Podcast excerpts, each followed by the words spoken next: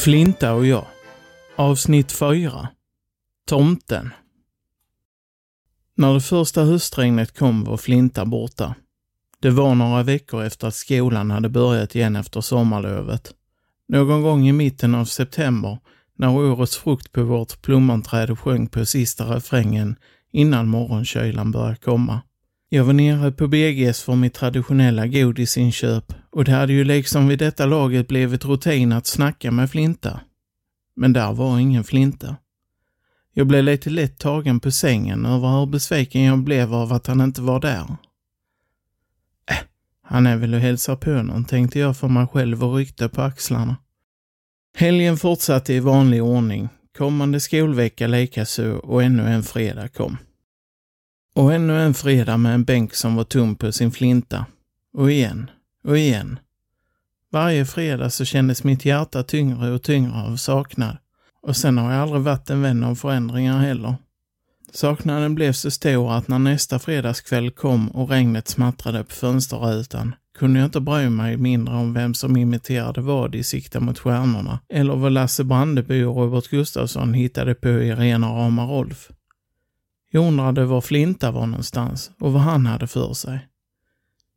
Fredagen efter den så pratade jag med Rune på BGs och frågade om han visste något. Nej, den som det visste. Vi har haft det så lugnt i butiken. Alldeles lugnt. Helt stillsamt. Allt rullar på i ro. Helt enligt rutin. Vissa skulle kanske till och med kalla det lite tråkigt, sa Rune. Du saknar honom också? frågade jag. Rune nickade och suckade. Ja, så är det väl. Det är en jävla drommel, men han har alltid gjort rätt för sig.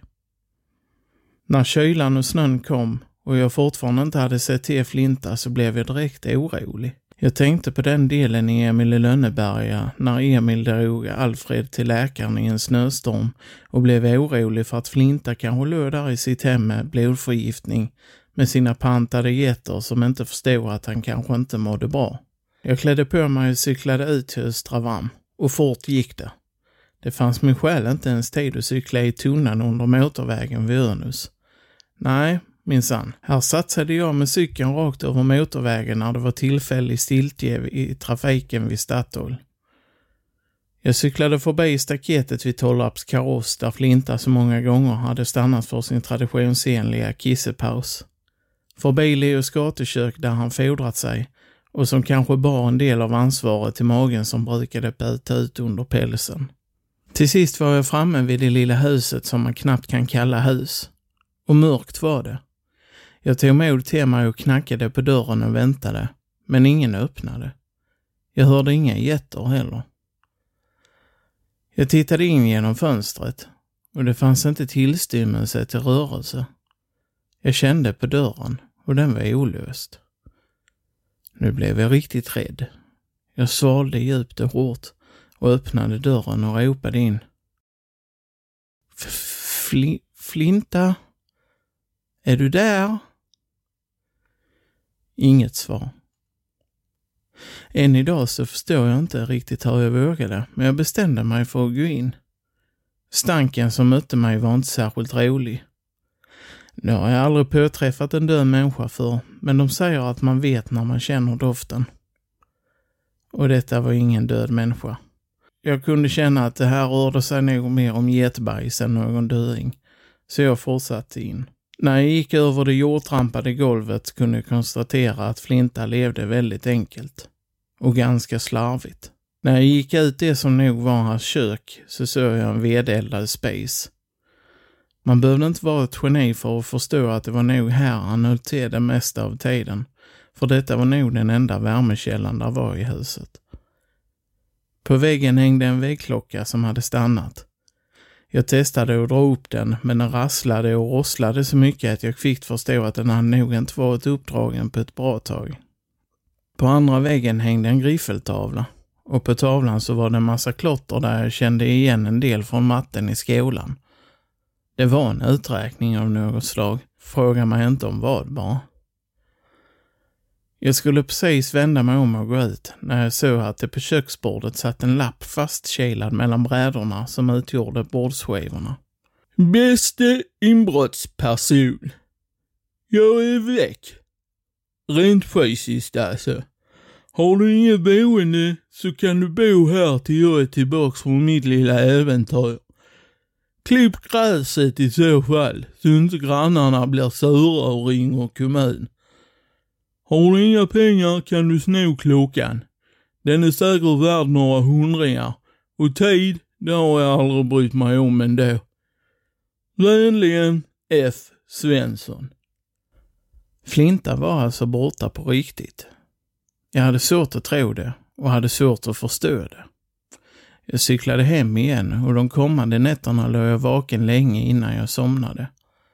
Funderade på var Flinta hade tagit vägen och vad han gjorde just nu. Sprang han naken på någon gata i snön och sjöng fotbollskamplåtar? Satt han framför någon annan affär och spelade dragspel? Hade han getterna med sig? Dagarna gick och det började närma sig jul. En förening i byn arrangerade alltid julstuga första helgen i december där det brukade vara lotteri och tillkännande av vem som hade blivit Tollarps Lucia och en massa andra grejer som hör julen till. Jag besökte julstugan som så många gånger förr.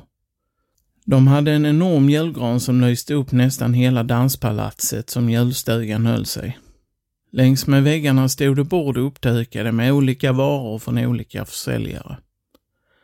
Någon som sålde fina dukar som hade virkats, någon sålde någon bok de hade skrivit och någon sålde Tollarpskorv och massa annat. Och längst inne i lokalen hade de en stor tron som var grön med vita och röda och guldiga dekorationer. Och på tronen satt en tomte som tog emot önskelistor och nappar från oskuldsfulla barn som fortfarande hade kvar sin tro på mannen med skägget. Efter en stund tog den arrangerande föreningens ordförande mikrofonen och utlyste resultatet i dragningen av årets Tollarpskort. Efter det så bjöd han upp till dans runt granen och då plockade tomten upp ett dragspel som jag först tyckte kändes väldigt bekant. Men det finns ju mer än ett dragspel som ser likadant ut. Oftast i alla fall, tänkte jag. Men det var mer som kändes bekant med den här tomten annat än dragspelet. Ibland fick vi ögonkontakt, jag och tomten. Då log han med hela ansiktet och jag tyckte mig se en blick jag hade sett förr. Jag stannade kvar till julstugan var slut och folk började bege sig hemåt och arrangörerna började packa ihop. Kanske skulle jag få se vem som gömde sig bakom tomteattiraljerna. Om det var den jag trodde. Tomten stod och knäppte ihop sitt dragspel och knäppte ihop bälgen och stoppade ner den i en koffert som stod på hjul. Han la märke till mig och log med hela ansiktet igen. Har uh, unge herrn lämnat sin önskelista eller är det något han vill fråga tomten? Sa mannen med det välbekanta utseendet. Nej, inte var det Flinta inte. Han lät inte sådär. Han pratade mer släpigt liksom. Jag blev överraskad över hur ledsen och besviken jag blev. Nej, det var inget, sa jag. Jag hoppades att... Eh... Äh, hopp. Det är alltid någonting bra. Det är det sista som jag hoppas lämnar dig. Har man tro, hopp och kärlek, då är man alltid rik och varm, sa tomten. Jo, så är det väl. Men lite julklappar är väl i och för sig aldrig fel det heller, sa jag medan jag följde tomten ut och nerför trappan till danspalatset. Nej, precis, sa tomten. Och nu måste jag sätta fart så att den biten löser sig. Jo, tjena. Du får väl ha det så bra tomten och god jul på dig då. Hoppas alla barn får allt de önskar sig. Lego, videofilmer eller vad det nu kan vara som de gillar, sa jag medan jag vände mig om. Kanske något som eh, doftar Hubba Bubba, sa tomten. Jag stannade upp och drog ett djupt andetag. Det måste vara Flinta. Det måste det. Det måste det. Det kan inte vara någon annan. Flint, sa jag och vände mig om. Men det var ingen där. Jag sprang ett varv runt danspalatset, men jag hittade ingen tomte. Jag sprang in i danspalatset och fick tag i ordföranden för föreningen som arrangerade julstugan. Vem var det som ni hade ringt och bett om att vara tomte? frågade jag medan jag ryckte honom i armen. Lugna ner dig grabben. Det får du fråga Ronny. Det är han som har fixat det. Jag sprang och letade upp Ronny. En gladlynt rödhårig man i sina bästa år. Lite som Karlsson på taket hade sagt. Och jag ställde givetvis samma fråga till honom. Du, jag mejlade Tollarps IF och frågade om de hade någon som kunde spela dragspel och tomtar åt oss, så kunde de få tjäna en slant till föreningen för det. Exakt vem de skickade, det, det vet jag faktiskt inte. Kanske någon av spelarnas föräldrar? Svarade Ronny glatt med en axelryckning. Mitt gedigna detektivarbete fortsatte och nästa dag så ringde jag Kerstin på idrottsföreningens kansli.